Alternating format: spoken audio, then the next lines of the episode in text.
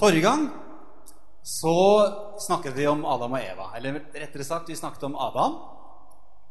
For eh, det står jo det at eh, Gud så på alt det han hadde skapt, og se det var overmåte godt. Og så kommer det litt lenger ned. Selv om Adam hadde det så innmari bra, selv om alt var fullkomment skapt, så var det ikke godt, står det. Gud sa det ikke godt for Adam å være alene. Jeg vil gjøre ham en medhjelp som er hans like. Og var det som utgangspunktet at Gud skapte Eva. Og så står det da allerede i første kapittel i Bibelen så står det det at Gud skapte mennesket i sitt bilde. I Guds bilde skapte han det. Til mann og kvinne skapte han det. Sånn at det var både mann og kvinne som var nødvendig for å danne bilde av Gud. Og disse har en sånn magisk tiltrekningskraft til hverandre. Og sammen i ekteskapet så danner mannen og kvinne et bilde av Gud. Den gangen var det ganske fullkomment, det bildet. Etter hvert, etter syndefallet og disse komplikasjonene så er det kanskje ikke alltid like fullkomment. Det kan være litt sånn tilsøla bilde av og til. Men det er fortsatt en realitet at det er et bilde av Gud. Ekteskapet er et bilde av Gud. Og så gikk vi videre og snakket om ekteskapet som en pakt. Og Jesus snakker om det å trekke i åk. Og det er ikke det vannåket, husker vi, men det er når to okser pløyer sammen, så deler de på belastningen. Og det er den som har mest krefter, som bidrar mest til enhver tid. Og som vi husker at åket det kunne flyttes også. Sånn at uh, man kunne flytte draget mellom høyre og venstre her, sånn at den som har mest krefter til enhver tid, er den som trekker den største børa. Og så så vi også at Gud er med i det tospannet der som den tredje som drar. Men da blir det jo rimelig viktig, da. Hvem er den der andre personen som du skal trekke i spann med, eller være i åk med resten av livet? For det er jo det det dreier seg om. Samtidig som det er en fantastisk velsignelse. Men vi snakket også om at de som er som Paulus, de er lykkeligst hvis de aldri roter seg borti en dame eller en gubbe. Sånn at uh, Det er også viktig å ha det perspektivet at det er ikke nødvendigvis sånn at alle skal presses inn i akkurat det samme. Men for deg som eh, er rimelig sikker på at det ikke er din nådegave For det er jo det Bibelen sier, at det er en nådegave, det òg. Paulus sier jo det at jeg skulle ønske at alle var som jeg. Men den ene har en nådegave slik, og den andre slik. Så dessverre så er det noen som ikke kan ha det like fint som meg, sier han. For du må ha den nådegaven for å ha det så bra når du er enslig. Mens Paulus han var overlykkelig for at han ikke måtte drasse på en kone. Så det, det må vi ha med oss, det perspektivet der òg. Men for oss andre så blir jo da spørsmålet liksom Hvordan finner jeg den rette, da? Hva er det som, hvordan, hvordan skal jeg finne den dama eller den typen som, som passer til å være i åk resten av livet? Og det er et rimelig viktig spørsmål, da. Men nå er jo dette et seminar om hvordan finne den rette, og nå ser jeg utover at dere er ganske unge, store flertallet her, og det store flertallet har enda ikke valgt. Men hadde dette vært et annet sted i verden, så er det klart at da hadde ikke vi invitert dere i det hele tatt. Da hadde vi invitert en masse foreldre. For det er sånn det fortsatt er i, for størstedelen av jordens befolkning. At det er ikke de som skal gifte seg, som bestemmer det i det hele tatt. Det der er en avgjørelse som ligger helt og fullt hos foreldrene i veldig mange kulturer. Så da ville vi hatt et sånt foreldreseminar hvordan finne den rette ektefellen for din datter og din sønn. Og fornuftige konstellasjoner og hvilke familier det kan være lurt å kontakte. og hva man skal vurdere og sånn. For sånt, det er faktisk en ganske ny oppfinnelse, det der. Med det rent romantiske ekteskapet som kun bygger på at man blir forelsket, og så, så gifter man seg på grunnlag av det. Vi ser i Bibelen om Jakob og Rakel og Lea og alt det Hvis det er selvfølgelig Gud har ment at det skal være en gnist, en forelskelse, en varmekok av følelser. Men det er egentlig kun i moderne tid, og akkurat i Vest-Europa og USA, at dette er blitt rendyrket. At ekteskapet kun er en greie som handler om to mennesker som blir forelsket, og som gifter seg på det grunnlaget. Til og med i Norge så hadde vi lovfestet at foreldrene måtte gi samtykke til ekteskap helt fram til 1863. Og det fortsatte som tradisjon lenge etter det at det var ikke aktuelt å gifte seg med noen som ikke foreldrene godtok. Så vi må ha det der litt i bakhodet òg, at eh, vi er egentlig ganske heldige som får lov å bestemme sjøl. Og det er faktisk veldig få eh, sånn totalt sett, både i verden og ikke minst i historien, som har hatt den muligheten. Men det er klart det legger jo også et ansvar på våre skuldre når vi skal velge riktig. og hva vi skal legge vekt på. Derfor er det viktig at vi snakker med deg nå, som kanskje ikke er gift ennå. Hva skal du tenke på? Men det er klart, tidligere i Norge så var ting annerledes.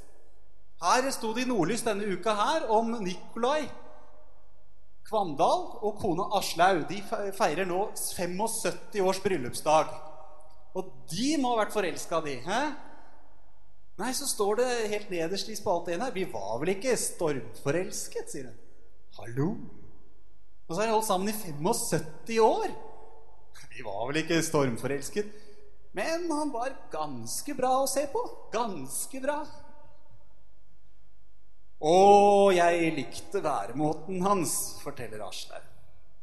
Ja, det var en form for magnetisme, smiler Nikolai. Så det var, det var et eller annet der dem imellom. Men de er lykkelige. Gift 75 år, og nå hadde han så skrøpelig bein som han havnet på sykehjem. Og fleip med det at når de flytta fra hverandre, men det var med glimt i øyet, for de er fortsatt veldig glad i hverandre. At det er ikke så lenge siden ting var litt annerledes i Norge. Og det er klart det var litt andre ting også som bestemte hva som var viktig. Men det er klart det at hvis du skulle ta over gården etter foreldrene Hvis du var gutt, da, du var odelsgutt, så er det klart at den jenta du fant til å gifte deg med For det første så skulle det jo stemme at du fikk tak i henne, og at det var en som passet å gifte seg for deg, og alt dette her. Men hun måtte jo også være en bondekone da, som kunne fungere i den jobben. For det var faktisk den viktigste ansatte du hadde på gården. da. For det var mannen som var sjefen. Men samtidig så hadde jo kona hadde jo masse ansvar. Og uten at hun fungerte i den jobben, så ville alt gå på dunken, og gården ville bokstavelig talt gå konkurs.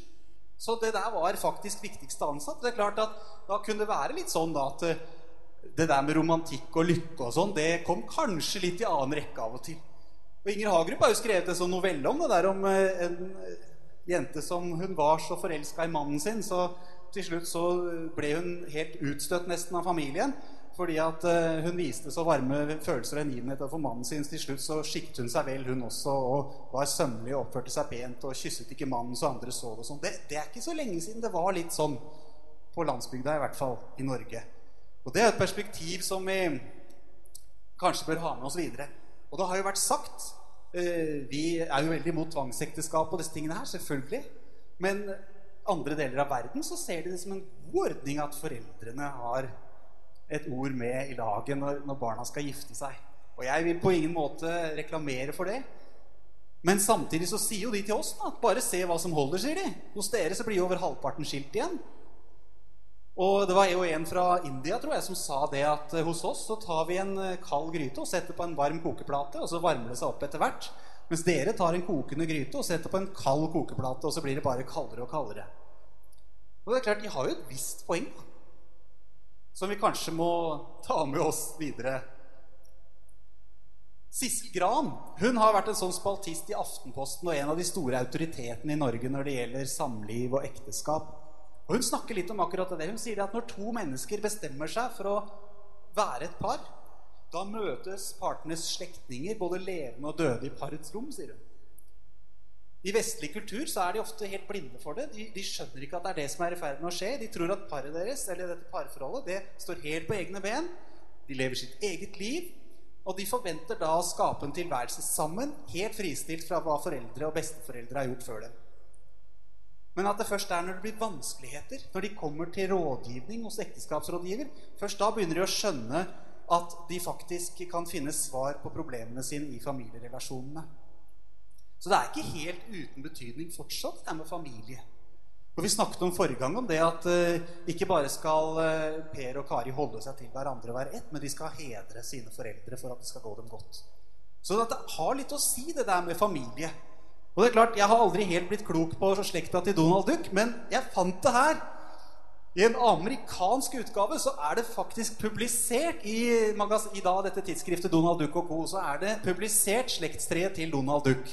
Og her oppe står han. Han ser jo ikke helt fornøyd ut, men han har jo ikke funnet noen kone heller, da. Han har bare måttet overta ungene til søstera si, hun Della Duck. Og så har hun da Ole, Ole Loffen har han da må ta seg av. Men han har en ganske komplisert slekt, ser vi. Og det er klart at Dolly, hvis det er hun som en gang blir Det håper jo alle som leser Donald, at de en gang skal skjønne at de må se å gifte seg. så har jo hun en like komplisert eh, familie, sannsynligvis, for de bor i Andeby begge to. Og Andeby er jo ingenting i forhold til sånn som det er blitt her i Norge. Hvor det ikke bare er at at er, du har søsterens barn, og sånn, men det er mine barn og dine barn og våre felles barn og forrige mannen sine barn som ikke fulgte med videre med han. Og så blir det veldig kompliserte familieforhold. Men poenget er at vi har med oss en ryggsekk inn i ekteskapet som består av den familiebakgrunnen vi har. Og det påvirker oss mye mer enn det vi skjønner mange ganger. Vi skal ikke gå i dybden på det, men vi er nødt til å ha det i bakhodet at uh, vi velger ikke faktisk bare en person, vi velger en slekt som vi går inn i. Vi velger svigerforeldre. Vi velger onkler og tanter til de barna vi en gang skal få. Og ja, det er ganske store ringvirkninger, dette med slekt og familie. Men nå skal vi komme til saken. Hvordan var det nå dette her med at man finner denne ektefellen? For Adam var det jo veldig enkelt, vil noen si, for det var jo bare ei dame der. Så han trengte jo ikke bekymre seg. Han kunne bare hoppe på første og beste, og han visste at hun var best. Men, men poenget er ikke det at det bare var én. Poenget var at det var Gud som visste hva Adam trengte. Og det var Gud som skapte en kvinne som passet for Adam, fordi han kjente Adams behov. Adam han skjønte jo ikke at det var dama han trengte engang. Han. Han hadde det sikkert rimelig bra, men Gud så det at det er ikke godt for Adam å være alene. Så gjorde han en medhjelp som var hans like, og så står det at Gud førte henne til mannen. Vet du, Jeg tror at det der er en veldig dyp sannhet. Som gjør at vi som er frelst, tror på Gud og tilhører Han, vi kan få hvile i det at det er en som vil føre noen til oss den dagen det er riktig å slå seg sammen med noen for å inngå en pakt. Det betyr at vi trenger ikke å stresse vilt. Seinest i går så, så jeg på en av disse vanlige nettsidene at, eh, på Sol eller noe sånt, at det var liksom 18 sjekketriks, og det går hele tida. I aviser og ungdomsblader og på websider så er det liksom sjekketriks for å liksom få tak i den der knalldama eller den rå typen. Og så er det liksom hvordan du skal liksom gjøre best mulig inntrykk, sånn at du liksom får eh, fisken på kroken, og så er det å hale inn og håpe at du greier å holde den der. Men det blir jo vanskelig da, når du har kjørt masse sånn manipuleringsteknikk hele veien for å komme dit. Så må du jo spille så høyt i fortsettelsen for å klare å beholde vedkommende. Nei, vi har et helt annet utgangspunkt, vi som er frelst. Vi skal kunne stole på det at uh, vi kan slappe av. Og så vet vi det at Gud kommer til å sørge for at vi møter noen hvis ikke vi er sånn som Paulus. da. Og det står jo, Han sier det jo veldig artig, Derek Prince, som jeg nevnte sist også. En veldig god bibellærer som har reist hjem til himmelen nå. Men han sa jo det at det første gang Gud viste seg på menneskens arena, det var som Kirsten Giftekniv. Og det er jo sant, det. Første gangen han gjorde noe som helst sånn organisatorisk, bortsett fra det å skape, det var jo faktisk å lage et ekteskap. Og da visste jo Gud også ikke bare hva Adam liksom trengte her og nå, men han så hva trenger du om 20-30-40 år. For Gud han ser jo framover i tid. Han vet mye bedre enn deg.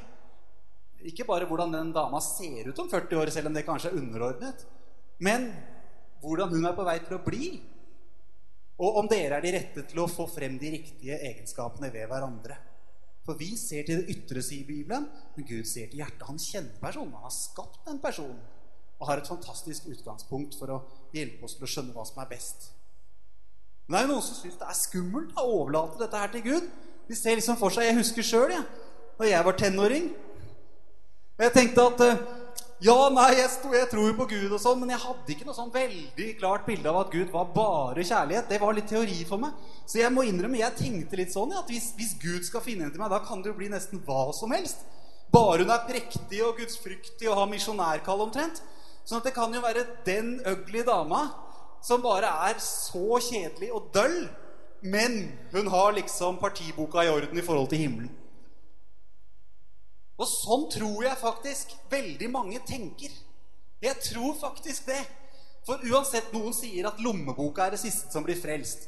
Og For noen er det det, men jeg tror for like mange så er det å overlate dette som har med ekteskap og hvem man blir sammen med og sånt til Gud, den sitter ofte enda dypere inne enn om du skal gi tide. Altså. For det er Det er liksom litt scary, det der.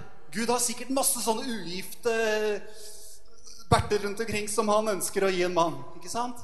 Og det er så mye kjedelige kristne jenter, jeg har hørt gutter si. Det er forferdelig. Men det er jo Gud er jo ikke håpløs heller, da. Jeg mener, han, han, han, har jo skapt oss med på en måte de lengslene vi har. Og hvis vi gir det også til han, så, så, så klart han gjør det best ut av det. Men det er klart det at uh, ting kan jo forandre seg òg, selvfølgelig. da. At det ikke er sånn som det først så ut.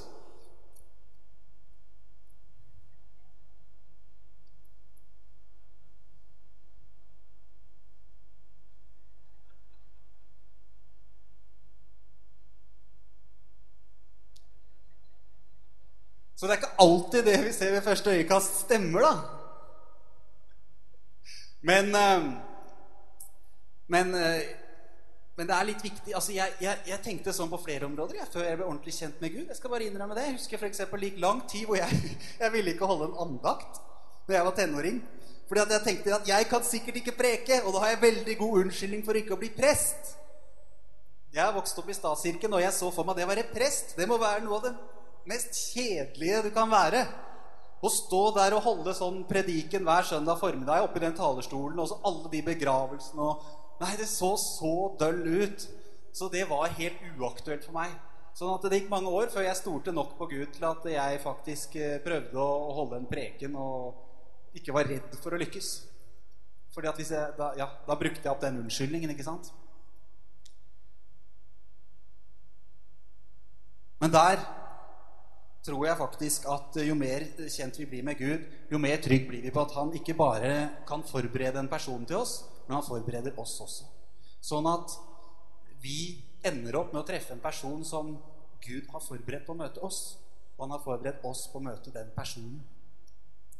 Og jeg tror jo det at uh, Gud ikke bare vet hva som er best sånn rent sånn fornuftig, men han, han koser seg over å gi oss gode gaver. Han elsker at vi finner noen vi virkelig kan trives med. Han vil det aller beste for oss på alle områder. Og det er han som har skapt både det som er utapå, og det som er inni. Han vil ikke liksom trosse oss masse ved å gi oss noe som ser helt forferdelig ut, eller virker helt håpløst, og som vi aldri kan tenke oss å ha som venn en gang, og så skulle bli ektefelle. Selvfølgelig kommer han til å sørge for at vi liker hverandre. Det er viktig. Men det er klart at det er jo sånn at når vi først blir forelska, så blir det jo ofte helt sånn da, Det er noen som sier at kjærlighet gjør blind, og det står ikke i Bibelen. Det det står i Bibelen, det er det som står i 1. Eh, Peter 4,8 om at eh, vi skal inderlig kjærlighet til hverandre. Og da snakker han ikke bare om gutt-jente. Absolutt ikke, for kjærligheten skjuler en mengde synder, står det. Så det har noe å gjøre med at når jeg er veldig glad i noen, så klarer jeg å leve med deres feil og mangler. Ikke at jeg ikke vet at jeg er det. Det sånn som Gud, og det. Han vet jo at vi synder. Han er jo ikke helt fjern. Men han elsker oss så høyt at han tilgir oss glatt hele tida og renser oss i Jesu blod og hele tiden gir oss ny frimodighet. Og selv om vi gjør både det ene og det andre, så tar han oss nærmest på fanget og sier at det er helt greit, gutten min og jenta mi. Vi, vi, vi skværer opp dette her. Jeg, jeg elsker deg så høyt. Det er å skjule synder. Men forelskelse, den kan virkelig gjøre blind, altså. For da det er sånn vi er skrudd sammen. At med en gang vi blir sånn skikkelig forelska, så går vi på en sånn snurr her oppe. Og da er det hormoner og transmittersubstanser i hjernen og det som er. Det går helt totalt av hengslene. Og så blir vi helt sånn gira. Den personen er liksom det eneste som duger i hele verden. Og det som er merkelig, er at det kan først være den personen, og så, etter tre-fire måneder, så er det den personen. Og så et halvt år etter der igjen så er det en tredje person. Og hver gang er du like lykkelig for at det ikke blei den forrige. Men da det sto på, så var du jo så forelska at du bare Kjære Gud, kjære Gud, la det nå bli sånn at jeg får bli sammen med henne. Hun er bare fantastisk. Og så blir det tre måneder etterpå Takk, kjære Gud. Å! Takk for at du sparte meg for henne. Eller han. Og ikke sant? En person som er helt ved sine fulle fem, er jo ikke sånn. Er vi det? Nei, så det er noe med det at vi, vi går litt av hengslene, men det er også sånn vi er skapt. Og det tror jeg er fordi at Gud vil at vi skal bli hodestups forelska i den personen som vi skal bli gift med. Fordi at det er noe med det at Da prioriterer vi den personen over alle andre personer på jord en stund og virkelig bruker tid sammen og blir kjent. Og de hormonene og de tingene oppi hjernen som skjer da, den rusen vi nærmest får da, den er noe gudgitt. Men nettopp fordi den er det, så må vi ikke drive og søle den rundt på alle mulige andre steder enn der den skal være. Bibelen sier at du skal ha din egen kilde for deg selv. Du skal ikke la den renne ut på gatene. Du skal ikke la disse tingene som er så voldsomme og så sterke, bli fordelt rundt på masse forskjellige personer. Ja, er det umulig å ta feil, da? Liksom, skal er forferdelig fordømmelse hvis du slår opp? Nei, selvfølgelig. Det er jo derfor vi som kristne har en helt egen etisk standard på det ut fra Bibelen. At enkelte ting de gjør vi ikke før vi gifter oss i det hele tatt. For det skal være noen ting igjen som bare er til én person, selv om vi har vært kjærester aldri så lenge. Så vi kan skilles med god samvittighet og si at det var ikke oss. Og så kan vi se den dama i lovsangskoret i flere år etterpå ikke ha problemer med at vi har gått for langt. Gud vil at vi skal ha det godt og kunne gå fra hverandre igjen hvis vi finner ut at dette var feil, så lenge vi er sammen. Og til og med når vi er forlova, så går det an å ta feil. Det er derfor vi ikke er gift enda, bare forlova. Men midt i denne rusen og dette her, så er det litt viktig at vi begynner å virkelig søke Gud. Fordi at det er jo veldig farlig hvis vi lar oss styre av den følelsen, og så hopper vi inn i et forhold, og så var det en av de vi egentlig ville sagt 'Å, takk, kjære Gud' for at det ikke blei, men så blei det. Fordi vi lot de følelsene styre oss. Vi er i en veldig sårbar fase når vi er forelska. Og derfor så må vi be. Og jeg har vært forelska i andre før jeg traff Maren, men Gud var så god mot meg at jeg slapp å bli sammen med noen av dem. Det var sikkert fordi jeg var litt sjenert og sånn. Men før jeg ble sammen med henne, så var jeg virkelig på mine knær. altså. Jeg har aldri bedt så intenst verken før eller etterpå. Det skal jeg innrømme. For jeg var livredd jeg, for å gå inn i et eller annet som ikke var riktig. Og jeg var virkelig sånn fordi at for å si det som det var, da, så lurte jeg på at jeg likte veldig godt Maren, men så var det kanskje noen andre der som kanskje kunne være Ja, hvis Gud var mest sånn fornuftig, da, og ikke bare Ja, ikke bare sånn hva jeg liksom hadde varme følelser for, så kunne det jo kanskje være andre alternativer der ute som jeg visste om. Så jeg måtte virkelig be Gud er det nå følelsene som løper av med meg. Og jeg var så heldig at jeg fikk veldig klar tiltale fra Gud. Og det han sa, faktisk, det var ikke 'gå dit eller dit', 'bli sammen med den eller den'. Men jeg fikk en setning som var helt klar, og som jeg dag i dag er helt trygg på at det var Gud som sa til meg. Og det var han sa at det, er ditt valg. Men jeg vil gjerne vise deg hva som er det beste. Og det var så befriende. For da visste jeg det at det jeg valgte, det kom Gud til å backe opp fra himmelen. Gud kom til å støtte det 100% Men det ideelle var at jeg spør pappa i himmelen om råd. Er dette lurt, Gud? Ja, det kan vel tenkes jeg har noe enda bedre i ermet for deg. Ikke sant? Eller er dette lurt, Gud? Ja Bli kjent med henne. Ikke sant? Det er ikke sånn at med en gang du ser henne på gata, så sier Den hellige ånd 'Henne skal du gifte deg med!' Det fins de som har opplevd det òg. Bestefaren til Maren fikk det. Og så gikk det åtte år, eller noe sånt. Han var professor på Menighetsfakultetet. Og det gikk massevis av år og greier. Og, og, de ble gift og hadde et godt, langt ekteskap. Og hun ble til og med over 100 år, så hun kan ikke ha hatt det så fælt. Men, men for de fleste er det ikke sånn. Men allikevel så er det en prosess av det å være i bønn og spørre Gud hvem er det, Gud, som er en som passer for meg, som jeg passer for, og som er det, er det den personen jeg har i kikkerten nå?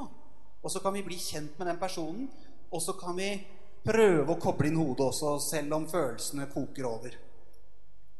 Og Derfor så er jeg sier at de fleste de får det. Men vi sier ofte det om å få sånn veldig tydelig tiltale. Og veldig mange opplever ikke det. Men allikevel så kan vi være i bønn. Vi kan eh, spørre Gud vis oss de rette sidene ved den personen, hvordan den personen er. Og, og vis meg om det er verdt å, å, satse videre på dette her. Og da har jeg, jeg har ti punkter jeg, som vi skal gå gjennom. Ja! Ti punkter for å vurdere en potensiell ektefelle. Og det er ikke fordi at vi skal gjøre dette til en sånn ren hodesak, for det skal vi ikke gjøre. Vi velger med hjertet, og vi velger i fellesskap med vår Gud og Far i himmelen, som vet hva som er best for oss. Men for ikke å koble helt av da, og bare liksom gå på følelser, så har jeg laget ti punkter. Og det første som vi skal se etter, er om det er en person som er overgitt til Gud. Og heldigvis, når jeg snakket om dette på bibelskolen, så røpte jeg ingen sånne punkter. Vi bare, sendte, vi bare lot folk skrive hver sin liste med hva de la vekt på. Og enten fordi de hadde fått veldig streng beskjed av Tord eller av Samuel, eller om det var fordi de virkelig var så åndelige, så satte alle det som sånn førsteforutsetning. Selvfølgelig må en virkelig kjenne Gud.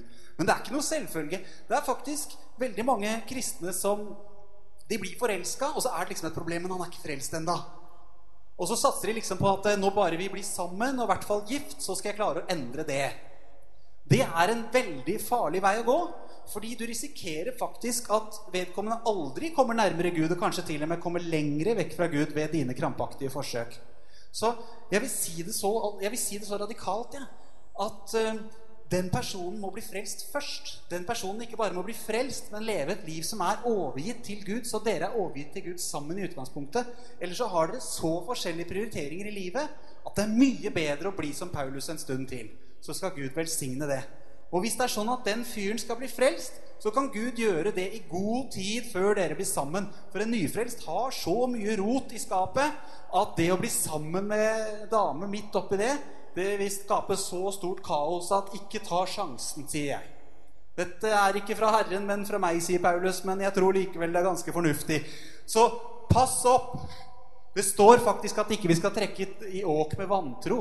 Og det gjelder faktisk sånne som er sånn, eh, sånn der kristne i navnet òg. At eh, de kan være nokså vantro på en del områder. Så pass opp. Overgivelse. Og det er faktisk sånn at den personen må elske Gud høyere enn deg, ellers så har du et problem. Det er vel litt drøyt?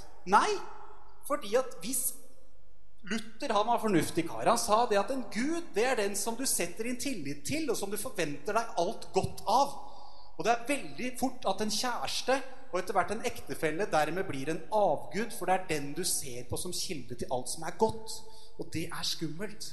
Det er Gud som er den kilden, og så er det Gud som gir deg en ektefelle for å gi deg en mulighet til å tjene den personen og til å få noe tilbake. Men den personen må ikke komme mellom oss og Gud.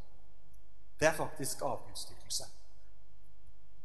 Det neste, det du skal se etter, det er at det er en person som aksepterer seg selv aksepterer seg selv. Ja, hva betyr det?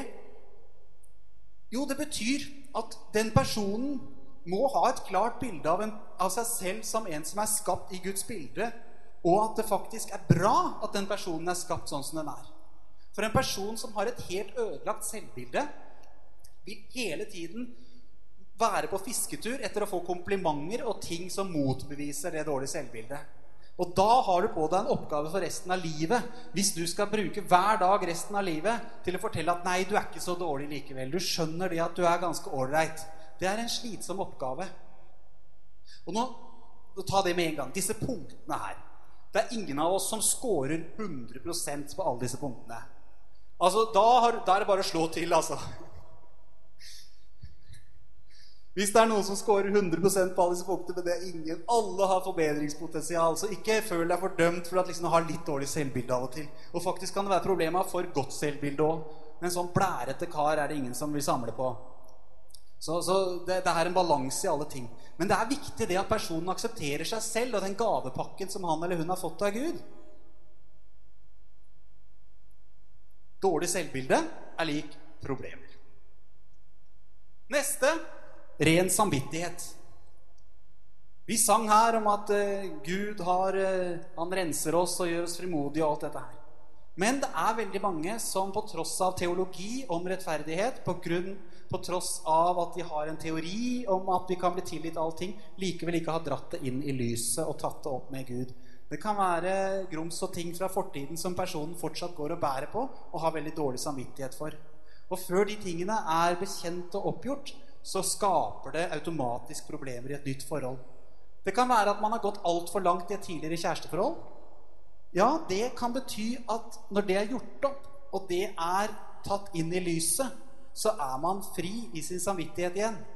Men hvis man bare dysser det ned og liksom ikke tar det fram, ikke deler det med Gud, ikke blir tilgitt, så går man og bærer på en tung stein i hjertet. Og det er alltid dumt. Så det som er viktig, er å prøve å finne ut det også. Er denne personen virkelig fri? Er denne personen kommet dit at Ja, da har jeg gjort mye rart, jeg. Men halleluja, Gud tok det, Gud tok det, og Gud tok det. Og alt det der, det sonet Jesus på korset, så jeg er fri. Først da er den personen fri til å elske seg selv og sin neste, som da blir deg, på en sånn måte at dere kan virkelig ha det godt sammen. Forhold til autoriteter. Oh. Når politimannen står eh, her og blåser i fløyta Det kan selvfølgelig være en sånn liten ting som det å kjøre altfor fort. Når vi først snakker om politiet. Det er ikke sikkert at en sånn fyr som driver og kjører i 130 overalt i 80-sonen, tar det så nøye på andre områder heller. Det kan være en ting, det. Eller hvordan forholder den personen seg til ledere i menigheten? Til sjefen sin på jobben? Til foreldre? Nå skal jeg fortelle en liten hemmelighet. Du har kanskje gjettet allerede. Men sånn som den personen er i forhold til autoritetspersoner i livet sitt, det er ting som den personen vil ta med seg inn i ekteskapet. Fordi du blir en autoritetsperson i den personens liv. Du blir en som den skal rådføre seg med, og som skal ha innflytelse i den personens liv.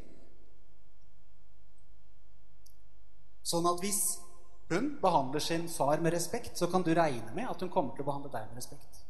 Og hvis en gutt behandler moren sin med respekt, så kan du regne med at han kommer til å respektere deg. Men hvis han snakker om hun der skrekkøgla, og hvor forferdelig håpløs mora mi er hele tida, så kan du bare regne med at når du blir en tilsvarende sånn psykologisk talt primær person i den guttens liv, så kommer han til å projisere, altså overføre masse av sine negative følelser til mor på deg. Pass opp, pass opp. Bibelen sier 'hedre'. Og der ligger det noe i at når du hedrer, så også rent sånn psykologisk så skjer det noe. At det går deg godt fordi du tar med deg den innstillingen. Så hvis du har et håpløst forhold til foreldrene dine, så sørg for å tilgi dem før du går inn i noe forhold. Det er ikke sikkert at foreldrene blir noe bedre. Du kan ha god grunn til å mislike dem. De kan ha gjort forferdelige ting mot deg. Men før du på en måte er i stand til å Nå snakker jeg ikke om å lyde dem i ett og alt. Men jeg snakker om å respektere dem for de menneskene de er, og at de faktisk er foreldrene dine. Før du gjør det, så tar du med deg noe veldig vanskelig inn i ekteskapet. Holdning av tilgivelse. Det går kanskje på det samme som ren samvittighet, men her tenker jeg på Det er en del personer som er litt sånn som han på figuren der, at alt er så bra, så. Ja da, jeg bærer ikke nag til noen, jeg. Å, det går så fint, så. Og så er det bare en liten sånn irritasjonsmoment, så kjenner du Det er siste gang!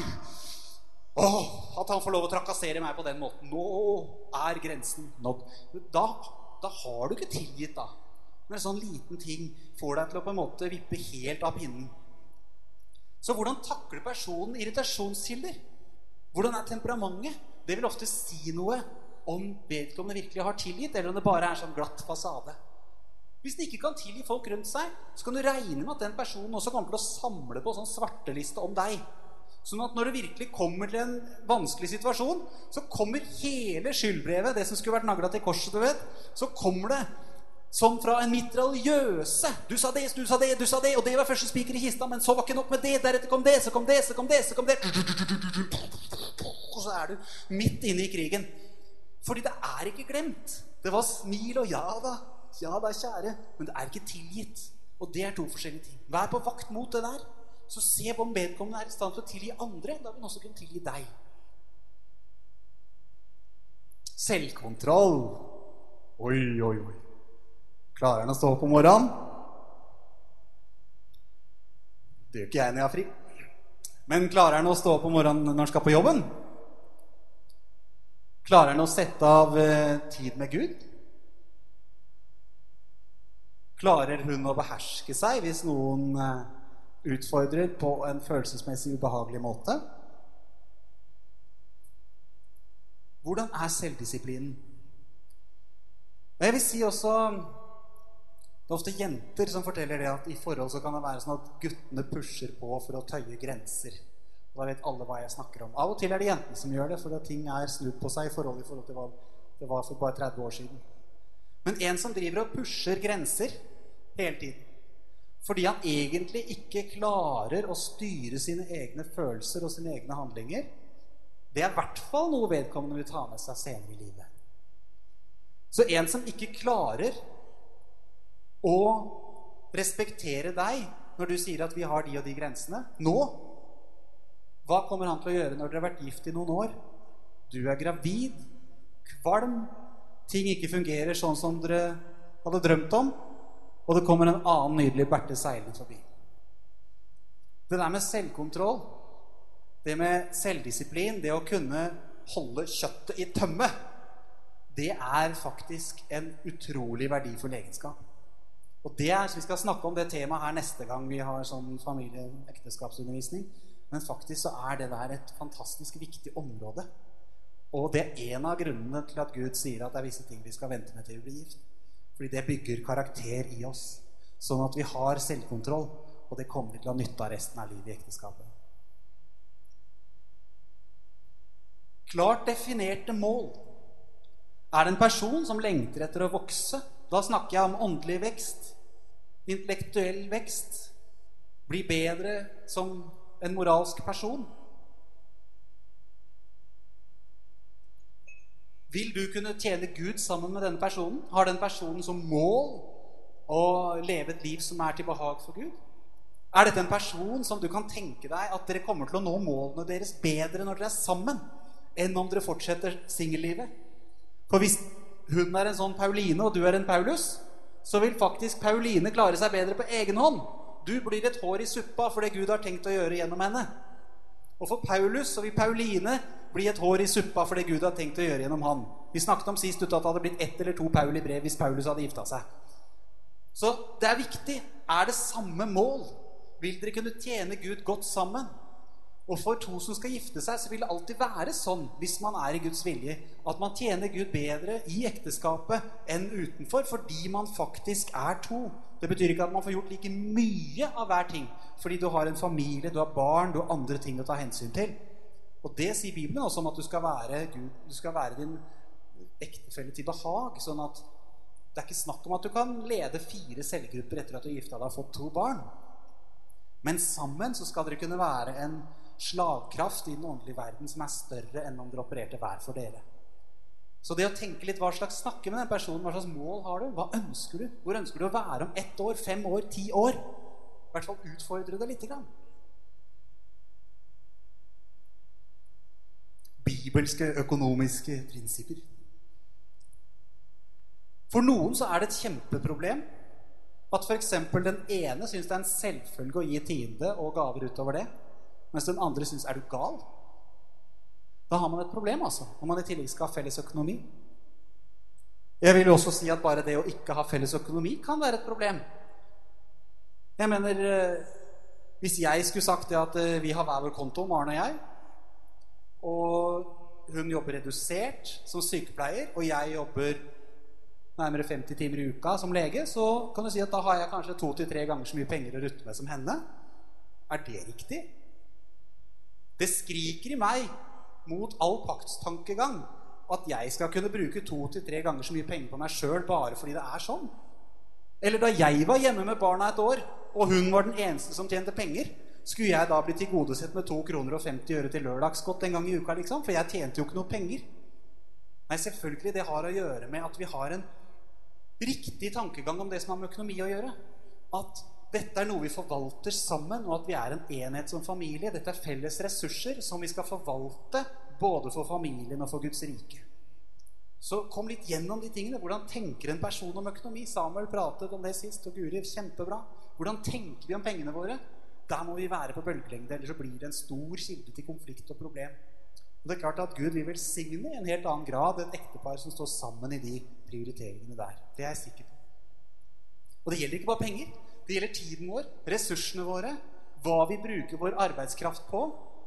Det har å gjøre med hva slags verdier vi har. Om det er sparegrisen som trekker av gårde med oss, som vi ser på bildet her, eller om det er vi som forvalter dette på en god og sunn måte. Hva da med foreldrerollen? Hvordan ser du for deg denne personen som far for dine fremtidige barn? Det er mange som ikke tenker på det engang når de skal finne en å være sammen med. Selv om de tenker å gifte seg og leve et helt liv sammen, så er ikke det det første som kommer opp. Men faktisk, når man skal leve et liv sammen, få barn sammen, ha en familie, så er det kanskje en av de aller viktigste egenskapene som en fremtidig ektefelle kan ha. Hvordan vil dere sammen takle det å være foreldre? Hvordan blir denne personen som mor eller far for deres felles barn? Det trenger ikke være at den personen er lidenskapelig opptatt av barn og nødvendigvis vil ha syv-åtte stykker, og det er det eneste som står i hodet. Men at dere har felles tanker om Yes, dette prioriterer vi. Dette er ikke en sånn mammagreie. Dette er noe som vi er sammen om. Så det siste punktet. Er denne personen et helt menneske? Eller går den rundt og har et ødelagt hjerte, har masse sår, masse ubearbeida ting? Ekteskapet det er ikke at to halve møter hverandre blir én. Det må være to hele mennesker som møter hverandre og blir en enhet sammen. For Hvis det er sånn at den ene går inn i ekteskapet bare for å få dekket sine psykiske og emosjonelle behov, da blir den personen en snylter. Men hvis begge går inn og allerede er hele, allerede har gått gjennom den prosessen og bli et helt menneske, så kan man gå inn for å tjene, og ikke for selv å bli underholdt og tjent. Men Jesus sier han kom for selv å tjene. Og det må være utgangspunktet vårt. Men da må vi på en måte gå gjennom en prosess selv hvor vi blir hele. Men dette var mye ting. Tenk om jeg allerede er gift og har gjort valg på syltynt grunnlag. Oi! Jeg hadde det sånn med utdannelsen min, jeg. Jeg ville bli lege pga. at jeg så for meg en BMW i garasjen og høy årslønn. jeg. Nå har jeg sagt det. Da jeg hadde studert i ett år, så fikk jeg en åndelig fornyelse som ristet alt i livet mitt. Og da fikk jeg skikkelig anfektelse om, jeg, om det var riktig å fortsette, for jeg hadde begynt på så feil grunnlag. Fordi at eh, jeg så jo at Herregud, altså. Går det an å ha feil mot mer feil motiver enn jeg har hatt? Og heldigvis så fikk jeg helt klar tiltale fra Gud igjen. At nei, du skal fortsette. Jeg har full kontroll. Dette er riktig å fortsette med. Og jeg er så glad for at jeg gjør det. For jeg har ikke BMW i garasjen. Jeg er så lykkelig for det. Og jeg har et fantastisk rikt liv, og jeg er der hvor Gud vil ha meg. Gud så forbi mine skitne motiver og sørget for at det ble riktig likevel. Sånn at ikke begynn å tenke 'Å, ja, men jeg er gift. Tenk om jeg er gift med feil person.' Alt dette her. Nei. Vet du hva? Jeg syns det er her har vi en kar. Jeg må sitere han. Sig Sigler han. Han er en sånn derre kar. Han er over 80 år. Holder masse seminarer for næringslivet i USA og sånn. Han har sagt noen Holdt på å si Pauli-ord, ja, men det er visst Siglar-ord om det der med å velge den rette. Han har sagt det at han er en evangelisk kristen. Han underviser på søndagsskolen hver uke og sånn, står det på Wikipedia i hvert fall. Og han eh, han er sånn som virkelig setter bibelske prinsipper ut i livet og i næringslivet. Han er ikke en predikant, men eh, jo, egentlig er han det, men han kaller seg ikke det. Men han, han sier det. Jeg skal være den første til å innrømme at det er mulig at du giftet deg med feil person. Ops. Likevel, hvis du behandler feil person som om han, hun var den rette, vil du sannsynligvis ende opp med å ha giftet deg med den rette likevel. Den var dyp. Ja, fordi det er noe med det at Utgangspunktet det er som det er, det. Og Gud sier at han hater skilsmisse. Så for Gud så er det aldri løsningen å skille deg for å få et bedre ekteskap.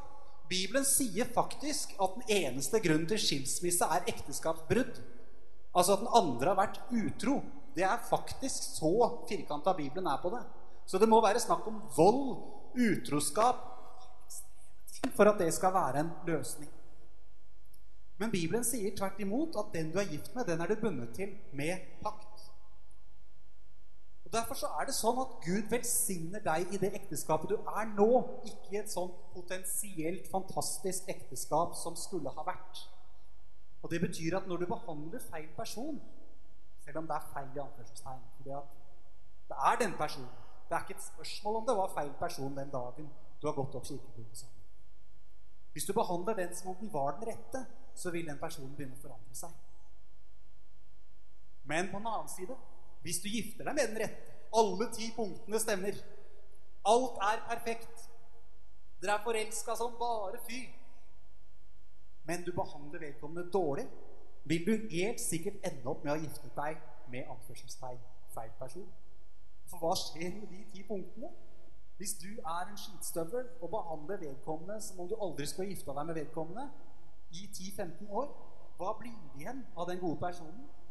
Det blir ødelagt. Så du kan gifte deg med den rette og ende opp med feil person. Og du kan faktisk begynne med feil person og ende opp med den rette. Derfor sier han at det er viktigere å være den rette slags person enn å gifte seg. Og om du har giftet deg med den rette eller ikke, er egentlig hovedsakelig opp til deg. Og konsekvensen blir jo da kanskje at den lista som vi har snakket om Hvem gjelder den først og fremst? Meg selv. Istedenfor å være helt på vill jakt hele tiden etter en person som oppfyller alle de ti kriteriene, så bruk de på deg selv. Forbered deg på å bli den personen som den fremtidige ektefellen fortjener. Så vil Gud ta seg av å, for, å, å forberede noen andre. Og så er det noen som blir helt sånn frenetisk i det der. Ja, men hvordan, er, hvordan skal jeg finne den ene personen? Tenk om jeg glemmer å gå på Gud sa 'gå opp på bakerste vogn på trikken', for der sitter hun. Og så hørte jeg ikke det, for jeg var så opptatt av å lese det avisen at jeg kom ikke på den trikkevogna. Så jeg traff ikke hun som skulle være mitt livs utkårede. Hvordan skal det gå? Gud førte kvinnen til mannen. Gud kommer til å sørge for at den personen du skal gifte deg med, kommer til å være i din omgangskrets hvis bare du er på riktig sted. Så hvis du er åpen for å bo der hvor Gud vil ha deg, jobbe der hvor det er riktig at du jobber, og være med i en menighet og være aktiv sånn, så kommer Gud til å sørge for at det blir en person i din omgangskrets som det passer for deg å bli kjent med. Og Da sier han ikke at du skal begynne å date masse. Du skal ikke begynne å flørte og legge an på, men du skal bli gode venner. Det er ikke feil å ha venner av motsatt kjønn. Kjønn? Kjøtt? Kjønn? Motsatt kjønn.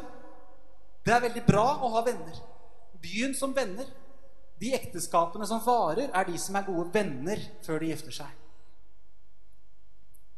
Sånn at Sørg for å være der hvor folk er. Jeg var litt sånn nerd som satt på rommet mitt og var radioamatør og telegraferte med russerne med morse lenge før jernteppet falt, og bygde mine egne radiosendere og radiomottakere og hadde flere datamaskiner tidlig på 80-tallet og var veldig spesiell og satt på rommet mitt. Så jeg hadde en mor som var bekymret for meg. Han titter jo ikke på jenter engang. Hva visste hun om det, sier jeg nå.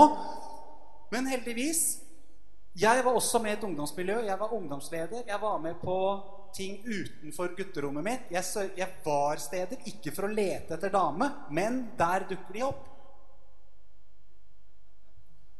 Så sørg for å være der hvor det er noen, ikke med motiv for å finne dame, men for å treffe folk og bli kjent med folk, bygge sunne relasjoner. Og da vil dere etter hvert finne ut at det er noe spesielt mellom dere. Det er litt mer enn bare et vanlig godt vennskap i den forstand at dere tenker litt likt.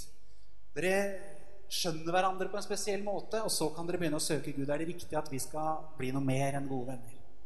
Det der med dating eh, og det med sånn veldig flørting og alt dette her, det har en tendens til å skli veldig ut. Altså at man begynner med å prøve å ta seg best mulig ut, dra ut og spise sammen, bygge opp et image at man er sånn eller sånn. Det er et gammelt ordtak. Ikke se på en kvinne mens hun sitter i kirken, men se på henne mens hun arbeider. Og det er noe med det. Vær der hvor hun arbeider. Arbeid sammen med henne. Så vil du finne noen som du passer sammen med. Da er det ikke den eneste ene, den ene. Hvis det ikke ble noe, så er du mislykket resten av livet. Gud vet hvem du kommer til å møte. Du kan slappe av. Du skal få et klarsignal fra himmelen når du er åpen for Gud, når du går gjennom disse punktene. Så vil Gud vise deg hva som er det rette for deg. Da skal dere få en utskrift her av disse ti punktene. Også på baksiden så er det sitat av denne gamle, snille mannen som vet veldig mye lurt. Og så har dere disse ti punktene.